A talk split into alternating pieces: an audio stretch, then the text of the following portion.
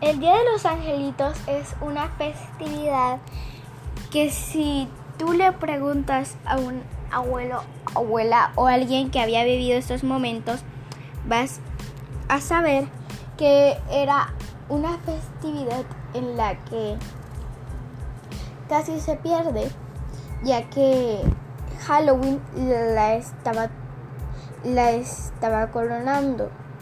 Pero gracias a unas personas, la, el Día de los Angelitos logró volver a su lugar.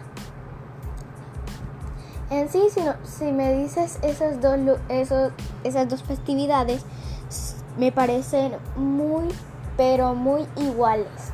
Solo que en Halloween te pones eh, un disfraz o te maquillas como más, como, como más te guste. Y en el Día de los Angelitos tienes que ir vestido de ángel.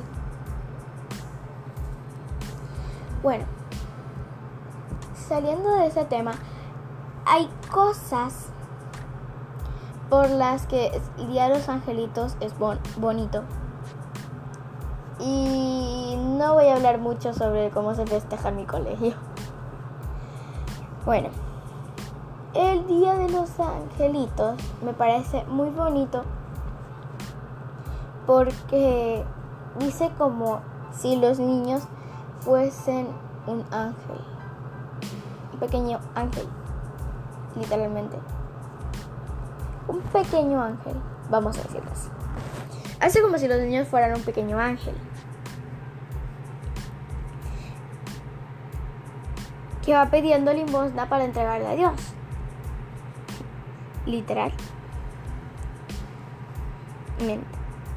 Me quedé en shock.